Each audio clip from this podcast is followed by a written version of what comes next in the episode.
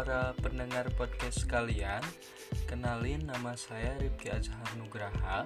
Kalau mau tahu lebih lanjut tentang saya Boleh follow aja Instagram dan Facebook saya. Nama akunnya sama dengan nama asli saya Rifki Azhar Nugraha. Oke di podcast ini intinya saya bakalan mencurahkan opini pribadi saya tentang berbagai hal yang saya minati, ikuti atau isu publik yang sedang tren. Karena namanya opini muda, opini saya ini bakalan dinamis dan berkembang.